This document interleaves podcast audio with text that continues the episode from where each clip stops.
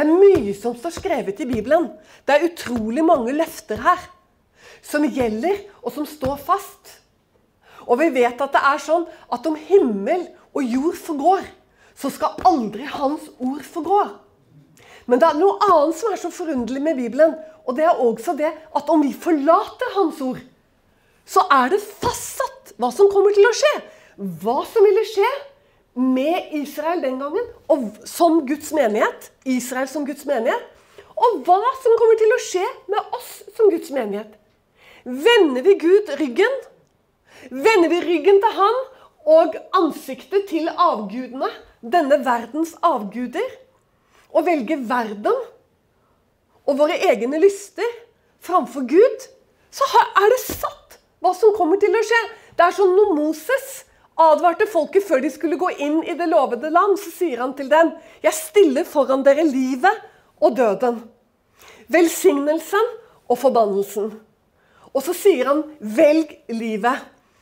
Og sammenhengen og konteksten på dette, det er Guds ord.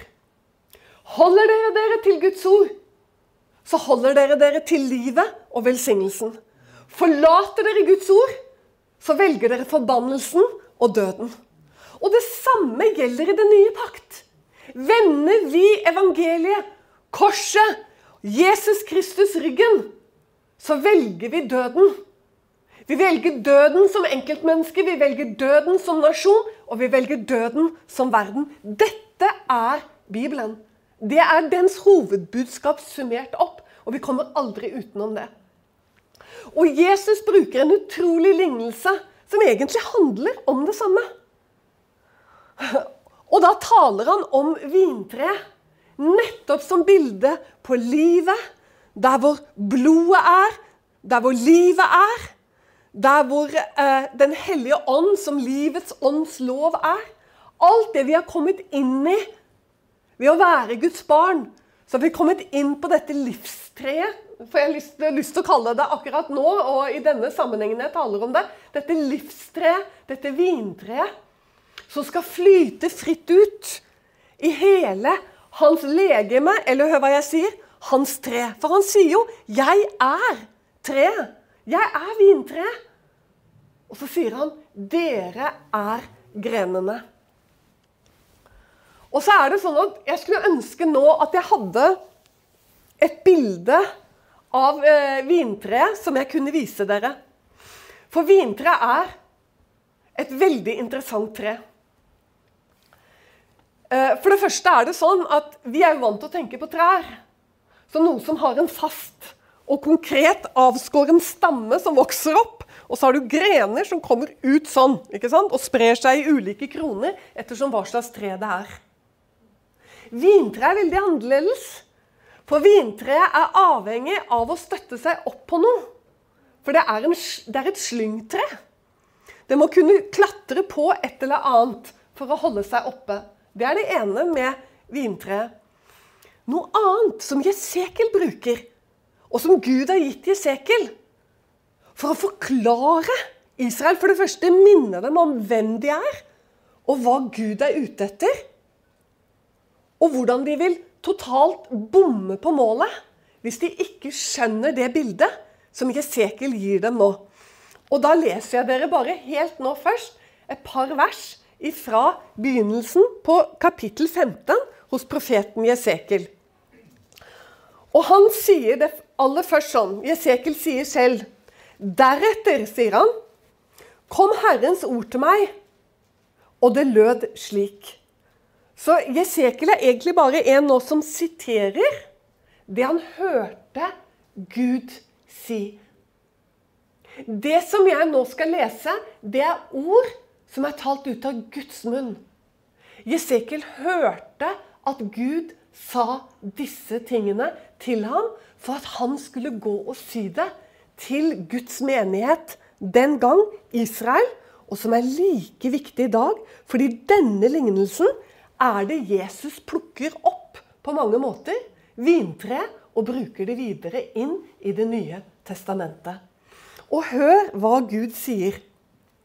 Menneskesønn, hva er veden i vintreet framfor all annen ved. Den grenen som er vokst opp iblant skogens trær. Altså Nå snakker han om vintre som en gren som har vokst opp iblant skogens trær. Og det er jo akkurat sånn vintre gjør. Det er som en gren som slynger seg på andre trær. Jeg leser en gang til. Menneskesønn, hva er veden i vintreet fremfor veden i andre trær? Hør nå. Tredje verset. Tar en vel ved fra vintreet for å lage seg noe? Kan en lage knagger til å henge noe på av vintreet? Nei. Du, jeg må stoppe her. Fordi at Ofte når vi leser sånn, så liksom vi hører, men vi skjønner ikke helt. Hva er det Gud sier her? Har du fått det med deg? Det Gud sier, det er Menneskesønn, hva er veden i et vintre? Altså Det han sier når du leser hele kapittelet, og det kommer jeg ikke til å gjøre nå, men det må du gjøre før du sovner i kveld, der han sier at veden i vintreet kan ikke jeg bruke til noen ting. Og det kan vi ikke. Det går ikke an å bruke veden i vintreet. Og så sier han sant, at hva er da vintreet godt for, hvis du ikke kan bruke veden av det engang? Så sier han, For du kan i hvert fall ikke lage knagger eller noe som helst av den. Altså, Du kan ikke bruke vintreet til noe som helst, er det Gud sier. Du kan bare bruke det til én ting. Og du skjønner hva det er. Det er frukten. Så det Jesekel advarer folket sitt om, er at hvis ikke du, Israel, er interessert i å bære frukt Hvis ikke du er interessert i å bære frukt, så er du til ingen nytte for meg. Det er ganske utrolig bilde han tar tak i her. Han bare Alle visste jo det. Nei, du kan ikke bruke vintreet. Du kan ikke bruke, vi, eh, eh, du kan ikke bruke veden. Du kan ikke lage noen ting, for det er ikke noe stamme. Det er ikke noe fasthet. Det er ingenting du kan gjøre med det eller lage med det. Men så er det noe det er så bra for, og det er frukten. Men så er det dette Jesaja tar tak i, så er det dette Jeremia tar tak i. Nemlig et vintre som ikke bærer gode frukter. Fordi gjerdet er revet ned. Så mennesker og dyr kommer og på en måte bare griper om seg. Og dyrene gnager på dem og ødelegger dem. Fordi gjerdet er brutt ned. Og det Gud sier da til sine profeter, det er jo det at når ordet er brutt ned, så kan ikke lenger vintreet bli stående. Nå er vi fortsatt bare i Det gamle testamentet. Hør nå, la oss gå litt bakover til Salme 80 og se hva det står der. For der kommer det en interessant eh, lignelse om vintreet der også. Og det står i det niende verset. Et vintre har du rykket opp av Egypt. Dette er folket. sant? Rykket det opp av Egypt. Du har drevet folkeslagene ut og plantet det. Nå er vi i Kanan. Du ryddet jorden for det og fikk det til å skyte dype røtter. Og det fylte landet. Fjellene var dekket av vintreets skygge og Guds sedrer av dets ranker. Det sendte sine grener ut av havet og sine skudd til elven. Hør nå. Hvorfor har du revet ned gjerdene rundt det? Hvorfor har du revet ned gjerdene rundt det? Så alle som går forbi på veien, plukker av det. Og det er nesten sånn jeg tenker. Altså når, når, når ikke Guds menighet i Norge, i Europa, lenger vil stå for Guds ord, hvor du slipper inn uh, andre religioner i Guds hus for at de skal bre om seg, eller, eller, eller, du, eller du river ned gjerdene som var der for å beskytte, og så sier du at nei, men det gjelder ikke. Og så river du ned et nytt gjerde, og så sier du at det gjelder ikke. Og det er jo dette eh, Gud her gråter over igjennom salmisten Asaf. Og så står det litt lenger ned Villsvinet fra skogen river det opp. Hører du? Altså, det urene har kommet inn i Guds menighet og river det opp og ødelegger, og dyrene på marken bruker det som beite. Det edle vintreet, den edle ranken, bruker de som beite. Det hellige er tatt bort. Det som skulle være beskyttet, det som er hellig, det som er rent og opphøyd, det som er til beskyttelse for oss som mennesker, å kjenne Gud og kjenne Hans ord og vite hva som gjelder. Hva som er vern for vår menighet og vern for vårt folk og vårt land. Det er revet ned. Og så kommer det i 15. verset. Vend tilbake, Gud. Vi ber deg, herskarenes Gud, vend blikket ned fra himmelen og se og ta deg av dette vintreet. Hører du? Det er så Asav. Han roper. Levitten Asav. Han er jo en profet. Han er levitt. Han er en som sørger for Guds hus. Han roper til Gud. 'Gud, kom og ta deg av dette huset.' Se hva som skjer. Hvordan de vanskjøtter det, folket ditt. Og så sier han, og nå begynner det å bli spennende, så kommer det Og vinstokken som din høyre hånd har plantet. Og så sier han, og nå begynner han å profetere. Og han lever jo, dere. Han lever jo 1000 år før Jesus ble født. Og så sier han plutselig Og sønnen! som du gjorde sterk for deg. Og så sier han igjen den er brent opp med ild, den er hogd ned. De går fortapt ved straffen fra ditt åsyn. Og så kommer det igjen. Hold din hånd over mannen. Ved din høyre hånd. Over menneskesønnen som du har styrket for din sak. Hører dere? Du, Altså, Jeg får lyst til å gå rundt meg selv her jeg står. For det er så fantastiske profetier. Han taler om menneskesønnen. Jesus kalte seg selv for menneskesønn. Her kommer dette begrepet inn i munnen til Asaf 1000 år før han blir født. Ta deg av han som er ved din høyre hånd, menneskesønnen. Hva er det Asaf får å si? Jo, han ser at dette vintreet blir ødelagt, det blir gnagd ned. Men så sier han, ta deg av din plan. Ta deg av din plan. For Gud har en plan. Han har en virkelig edel vinstokk. Og det er hans enbårne sønn. Han har en plan, og derfor så sier Asaf Han vet jo ikke hva han sier helt. vet du, Han taler i ånden. Så sier han, ikke sant Ta deg av denne menneskesønn, han som er ved din høyre hånd. Så Jesekel må jo ha skuet noe like inn i himmelen. Han som satt ved Faderens høyre hånd, og som kom til oss, dere. Og som har gått tilbake og plassert seg der.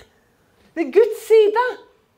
Og som skal sitte der til Gud igjen skal si Nå er det nok. Og så sender han han som skal dømme levende og døde, og som kommer tilbake for å innlede det Jesaja kaller for hevnens dag i kapittel 61. Og Jesus selv profeterte over i synagogen i Nasaret. Det er så utrolige profetier om vintreet i Det gamle testamentet. Ta deg av Sønnen. Ta deg av menneskesønnen. Ta deg av planen din, Gud. Tenk deg dette hadde nok flere av de disiplene som satt sammen med Jesus og fikk høre denne lignelsen. Hvor sterkt må det ikke ha vært? Kanskje har de allerede hørt ham flere ganger kalle seg selv for menneskesønnen. Og så kjenner de denne profetien fra denne viktige salme 80. Og plutselig så går han rett inn i profetien Jesus. Han spaserer inn i profetien, og så sier han 'Jeg er det sanne vintre'. Altså denne vinstokken som Gud hadde med menigheten sin med Israel, men som gikk, som gikk feil. Som egentlig Gud brukte som en demonstrasjon på at loven ikke kan frelse noen. De fikk lov til å være en demonstrasjon om Messias som skal komme. Med hele læren til rettferdighet som Moses fikk åpenbart. Om soningen gjennom stedfortredende blod.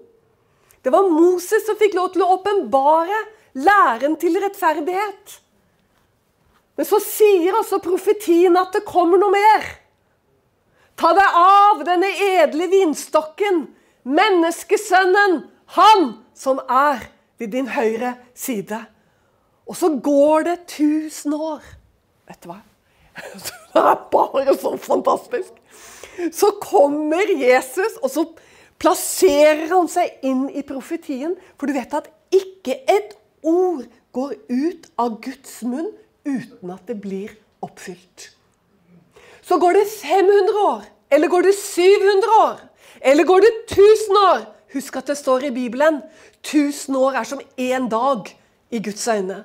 Eller går det 1500 år, eller 2000 år.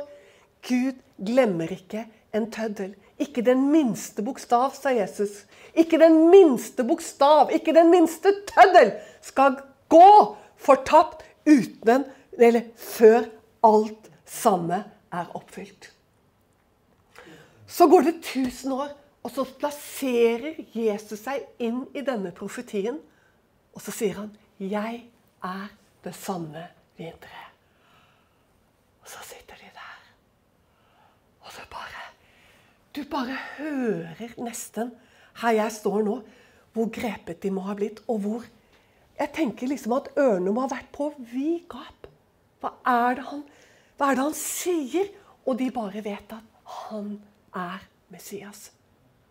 Han er han som skulle komme. Han er den som skulle komme. Og de gleder seg for hvert ord han sier. Og nå må vi bare ta en liten sånn repetisjon inn i Johannes 15. Han sier 'Jeg er det sanne vintreet', og det er akkurat dette jeg forklarte deg. Dette, denne vinranken som var Israel, og som ble en demonstrasjon om vår fortapthet som mennesker. Vår totale fortapthet. Men Gud har eh, sin edle vinstokk og sin sønn, som er ved hans høyre hånd. Han har sin plan som han skal sette inn i tidens fylde, og nå har han kommet. Jeg er det sanne vintre. Og så sier han, og min far er vingårdsmannen. Du, da tar han oss nå inn i vingården. Og vi må regne med at situasjonen den gangen var jo ikke som denne her, her og nå. Vi kan ikke regne med at alle tilhørerne våre har vært i en vingård og har sett vintrær. Og kjenner til vintrær, spesielt ikke i Norge. Hvis du snakker til en forsamling i eh, i Italia eller i Spania eller i Israel, for den saks skyld, så er vintre noe som er ganske Noe de kjenner, noe de vet noe om naturen til vintre. De er lettere for å forstå denne lignelsen. Men vi her i Norge, de færreste av oss, har noe særlig kjennskap til vintre. De fleste av oss kjenner det fra Bibelen. Noen har kanskje knapt sett et vintre. De fleste har sikkert det, men ja, i hvert fall på TV. Men det er ikke sikkert du har sett et på ordentlig. Så fremmed er vintreet for norsk, eh, en norsk forsamling. Det er faktisk litt viktig at vi kjenner litt til vintreet når Jesus snakker. For nå åpner han bare døren for oss inn i vingården. Så sier han 'Jeg er vintreet', eller det sanne vintreet, og min far er vingårdsmannen. Og det er jo det du trenger da, hvis du skal produsere frukt. Du må ha et vintre. Og så må du ha en vingårdsmann. Og nå er Jesus han er dette vintreet. Og så sier han litt mer, da. For dette vintreet har grener. Og så sier han dere. Dere er grenene. Men så begynner han ganske kjapt å si at hver gren på meg Snakk om å begynne negativt. Jeg syns han, han, burde begynne med frukten. Men så sier han hver gren på meg som ikke bærer frukt, den tar han bort. Men du, vet du hva han gjør? Han gjør egentlig det en vingårdsmann gjør når han kommer inn i hagen for å stelle med den. Jesus kjenner det ut og inn og vet at han snakker til et publikum, en forsamling, høres litt bedre ut, av disipler som vet veldig godt hva som skjer i en vingård. Og det er jo det vingårdsmannen gjør når han kommer på våren for å ta seg av vintrærne sine. Hva er det han gjør for noe? Det første han gjør, det er å begynne å ta bort grenene som ikke bærer frukt. For du skjønner, hvis du kommer inn i en vingård i slutten av mars, litt ettersom hvor du er i verden, da, eller begynnelsen av april i Israel, si slutten av mars, da. Eller en eller annen gang i mars. Jeg, ikke, jeg, så, jeg, jeg, har ikke vært gartner i Israel, så det tør jeg ikke å uttale meg om. Men si mars. Hvordan ser de vintrærne ut da? Da står de der med sine armer strekt ut. For sånn står de aller, de fleste vintrær i verden. Nå tar jeg med meg denne. De aller fleste vintrær i verden de strekkes på denne måten. De er omtrent like høye som meg. De får ikke bli høyere. De som er edle vintrær, og som skal brukes til vindyrking. De blir ca. like høye som meg, eller enda litt lavere. De blir ikke høyere i løpet av sitt liv. Og så blir de strekt ut på denne måten. Så et vintre ser slik ut som en stamme. To armer ut. Og så har det en midte som kalles for hodet. Og Hvis du går inn i de fleste vingårder, så ser det ut som et hav av kors. Et hav av kors. Og Hvis du går inn i en gammel vingård, så vil ofte stammene ha blitt litt spesielle, og armene ha blitt spesielle. Og da, du, da er det nesten som du kan Du, det er så du kan det er sånn det, Noen ganger så ser det at du kan se på en måte Jesus på korset. Når du ser disse gamle vintrærne som står der med utstrakte armer. Bare sånn, som et kors. Mange, mange slike som står bortover. Men hør nå tilbake til mars måned. Når du kommer inn, når vingårdsmannen kommer inn på våren, så ser det ut som et villnis. Da står alle disse, disse edle vintrærne. Men vi har masse grener som har vokst hulter til bultert oppover sånn. Og nå skal det både klippes bort det som ikke bærer frukt, og så skal det beskjæres det som bærer frukt. Så det vingårdsmannen gjør nå, det er at han går nøye og ser på hver gren. Og så ser han om grenen bærer frukt, eller om den er syk eller død. Og det han gjør da, hvis den er syk eller død, og den aldri kommer til å bære frukt, da tar han den av, og det er det første han gjør.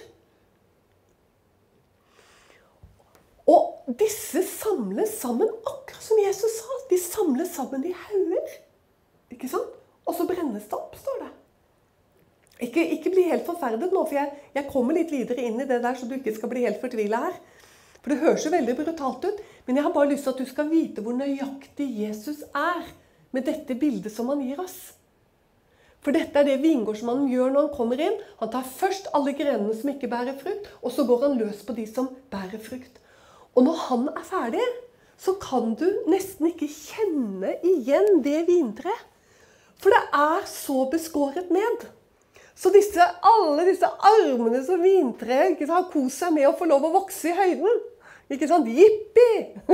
vi, har vokst oss høyt oppover.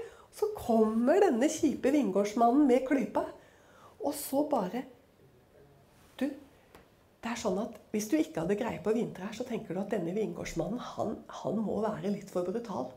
For du kan ikke klippe de så hardt ned og så tro at du skal få druer. Men det er akkurat det han får. Han vet nøyaktig hva han gjør. Vintrærne beskjæres sånn at de står, de står der med grener som er sånn. Sånn. Noen sånn. Noen sånn. For de skyter opp ifra Hør her, disse armene er jo egentlig nesten noe som er en del av stammen, som bare er strekt ut. Grenene vokser jo da oppover fra disse armene. Og de grenene er det som blir klippet ned. Noen til 1 cm, noen 2 cm, noen velger han å la sånn. Og hvert eneste tre og hver eneste gren blir pleid forskjellig. Det finnes i dag eh, maskinell eh, klipping og beskjæring. Men i en kvalitetsvingård så skjer det ikke i det hele tatt. Da er det hvert enkelt tre blir pleid av vingårdsmannen, og hvert, hver gren får forpleining deretter. Så Jesus, når han gir dette bildet, så ikke bare taler han inn i noe som de kjenner veldig godt fra sine egne skrifter. Han spaserer inn i profetier også. Men han taler også om det de kjenner fra dagliglivet. Og det gjør jo Jesus så ofte. Og dere, når han da fortsetter nedover med dette med beskjæringen Det er jo så utrolig bra, for han sier at dersom han ser at grenen bærer frukt, så begynner han å beskjære. Hvorfor det? For at den skal bære enda mer. Og det er jo dette som er så fantastisk. For hør nå. Hvis et vintre ikke beskjæres Og dette er spennende så kan det vokse altså så stort. Det, kan, det, var jo det det sto om, som jeg leste om litt tidligere. Hvordan det fylte hele skogen og strakte sine grener. Altså, Det har en voksekraft som er helt utrolig. Og det kan bli kjempestort. Og vintrær kan ta over hele områder. Det er som slyngplanter. Men hør her. Det kan ikke bli edel vin av et vintre som ikke beskjæres. Du kan ikke klatre opp i grenene skjønner du, og liksom komme opp der og dra ned en ranke og tro at du skal ete gode druer. Nei, antageligvis vil du Boi! Du vil liksom spytte de ut! Fordi de smaker som bitre druer. De vil ikke kunne modnes. Sånn at vintreet er helt avhengig av at vi beskjærer. Altså, unnskyld meg, Gud må beskjære vintreet sitt. Og dette er jo da så nydelig bilde. For Jesus sier, ikke sant 'Jeg er vintreet, og dere er grenene'. Og da skjønner du at hvis han er treet, og du blir i treet, for det er jo det han sier litt lenger ned, at vi må bli i han. Dersom du blir i treet, så bærer du frukt. Altså, det er ingen annen mulighet. Hvis du er i treet, så bærer du frukt.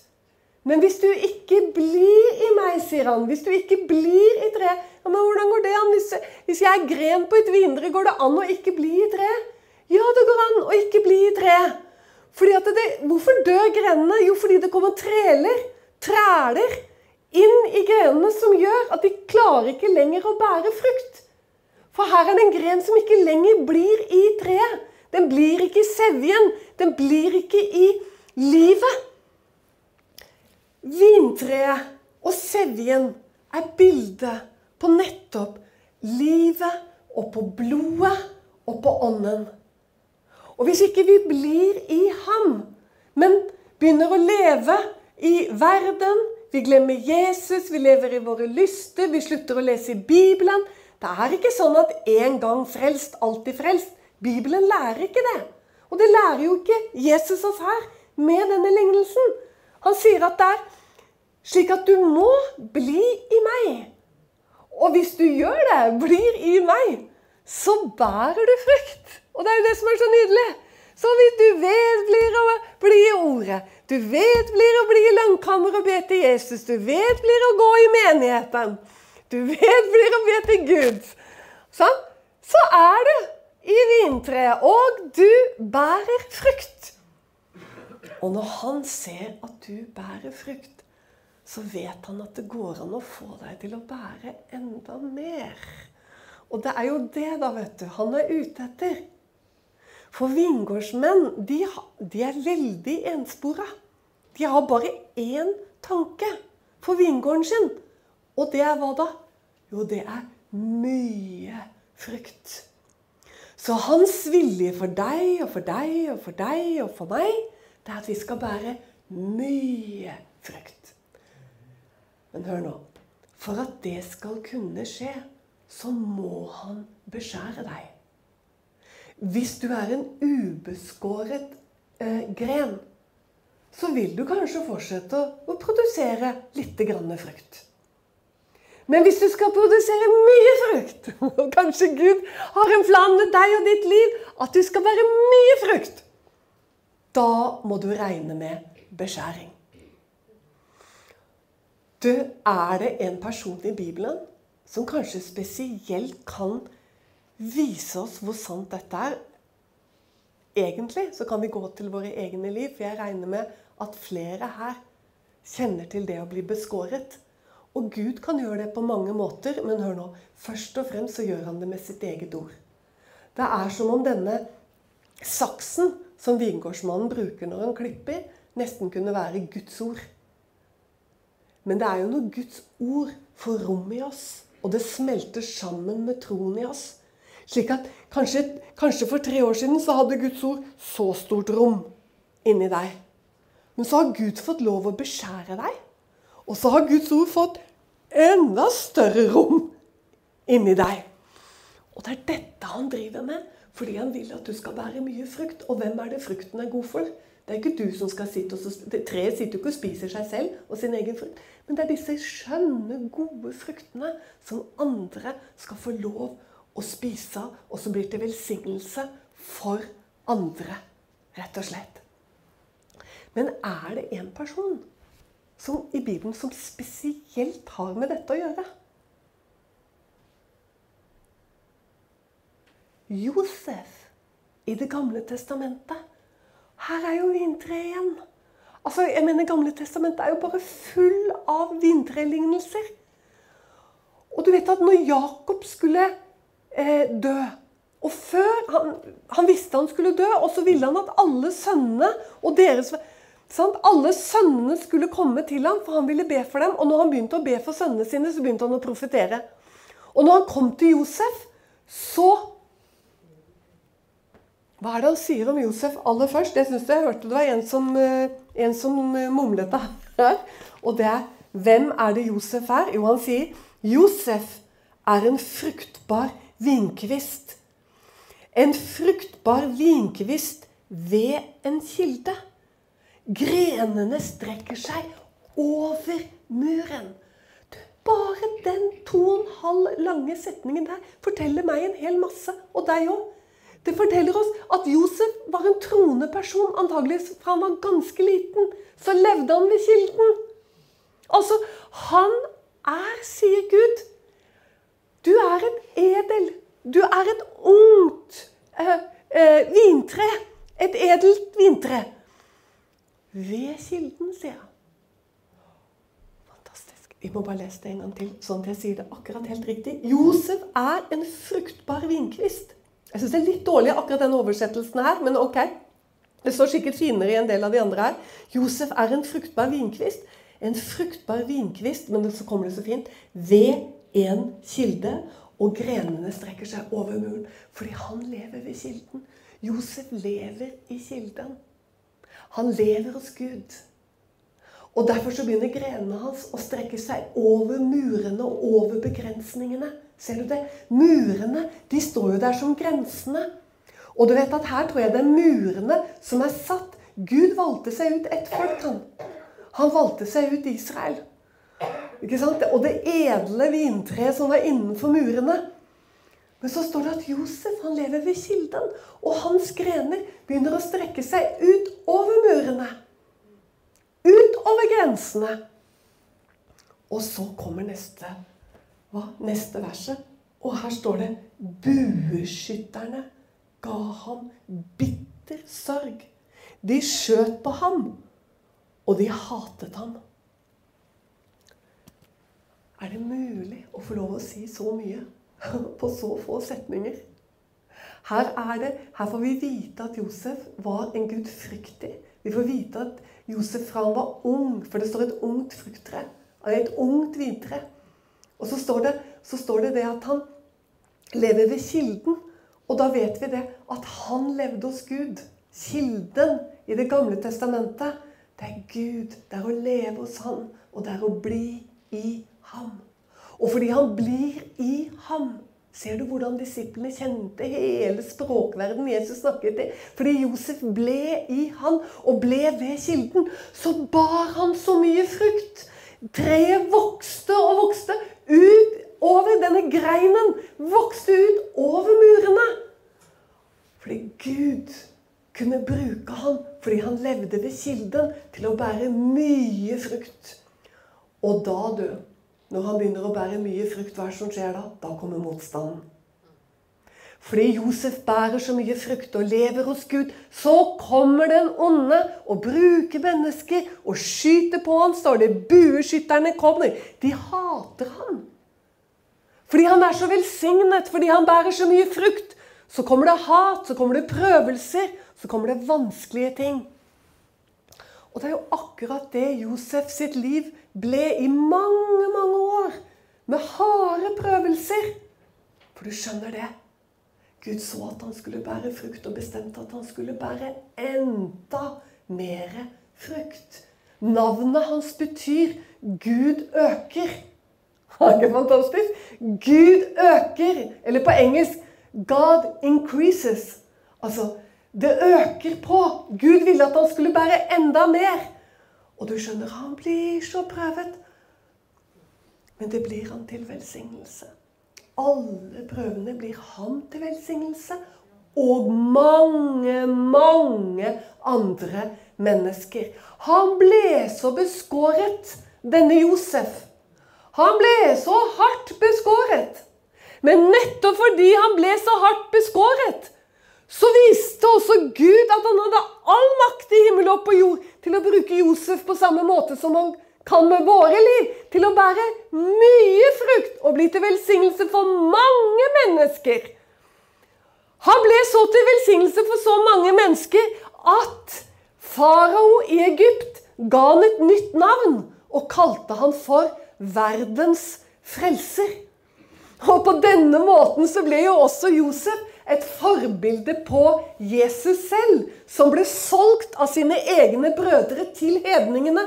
Forkastet av sine brødre. Solgt ikke sant, for sølvpenger, både Jesus og Josef. Solgt til hedningene. Forkastet av sine egne. Og så etter lang, lang, lang tid der ute i utlendighet, så kommer brødrene til ham. Du, og da får han være til velsignelse både for hedninge Egypt For han får lov til å redde deres liv med å bli en statsminister egentlig i Egypt. Det er jo det han ender som. Og en forvalter av hele farao og hele Egyptens forrådskamre. Og redder Egypt og nasjonene rundt fra hungersnød og sitt eget folk som kommer ned dit. Sånn at Josef Gud hadde sånne planer for ham til å bære mye frukt, men han ble så beskåret. Så leksen er dere at når prøvelser og vanskeligheter kommer i livene våre, så har jo vi, delvis pga. feil teologi, gjennom år Lett for å tenke hva er det med meg, og hva er det med mitt liv, og hvorfor skal jeg ha det så tungt? Hvorfor skal det være så vanskelig? Hvorfor skal det være så mye trengsler og sykdom, jeg vet ikke hva? Og bli bundet. Se på Josef. Hva skulle han tro? Hvor velsignet tror du han følte seg når han ble solgt til Egypt? Eller når han kom til Egypt og ble satt i fengs, eh, ble slave? Og så, etter at han hadde vært slave og ting begynte å ordne seg litt for han, så blir han beskyldt for nye ting, og så blir han kastet i fengsel. Og sitter i fengsel hvor mange år? Er det to eller fire år han sitter i fengsel? Og det må du regne med, det var ikke akkurat noe enkelt. Men hele veien så står det Gud var med Josef. Gud var med Josef. Gud var med Josef. Og sånn skal han være med deg også.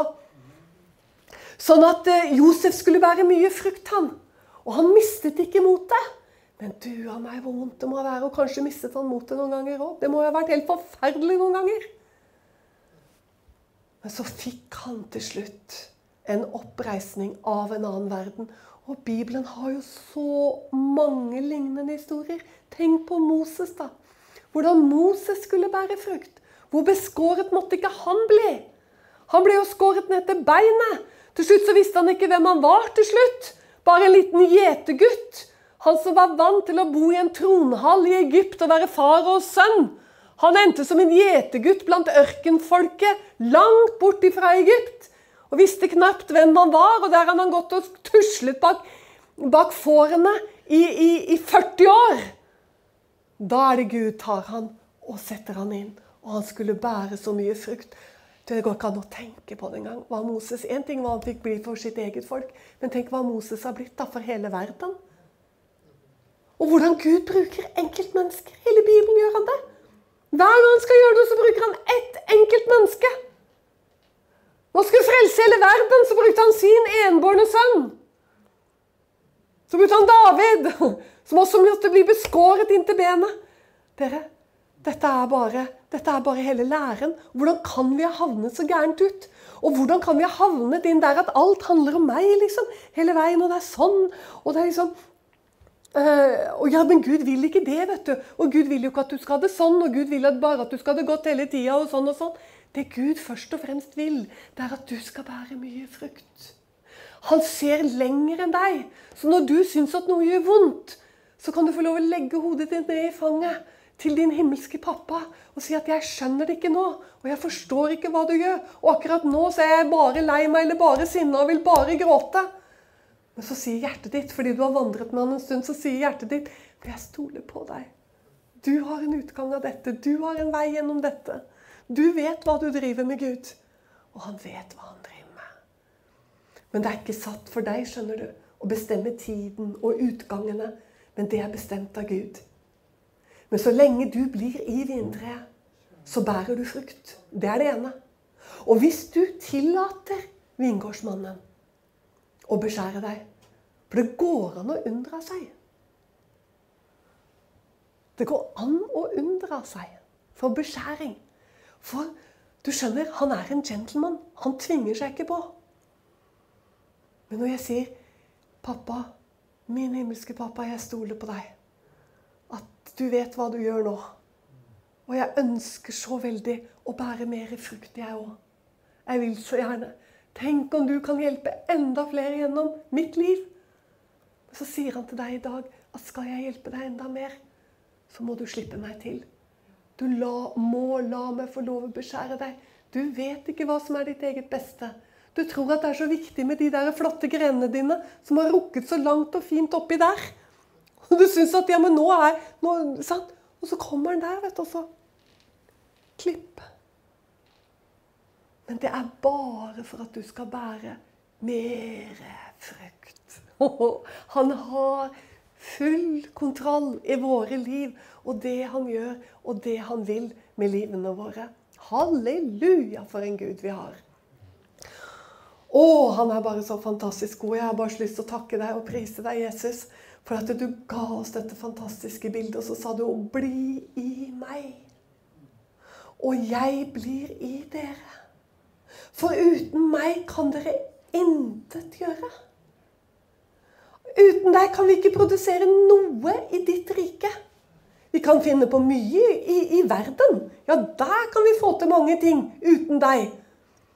Men i ditt rike her i verden så kan vi gjøre intet uten at vi blir i deg. Og Jesus, se til hver og en av oss, og se til din menighet i Norge. Se til alle disse gjerdene som er revet ned. Gi oss lære som forkynner rett, Gud. Som ikke taler på en sånn måte at vi blir hårsår med en gang. Du er der for å pleie treet ditt, for å gjøre godt med treet ditt. Så blir vi hårsår. For vi er stolte. Fordi det er steiner i jorden. Det er vanskelig materie å jobbe med. Fordi det er ikke en forkynnelse som beskjærer legeme. Men det er en forkynnelse som skaper ugress mange steder i våre liv. Så Jesus, hjelp oss så det kommer god og sunn forkynnelse inn i landet vårt.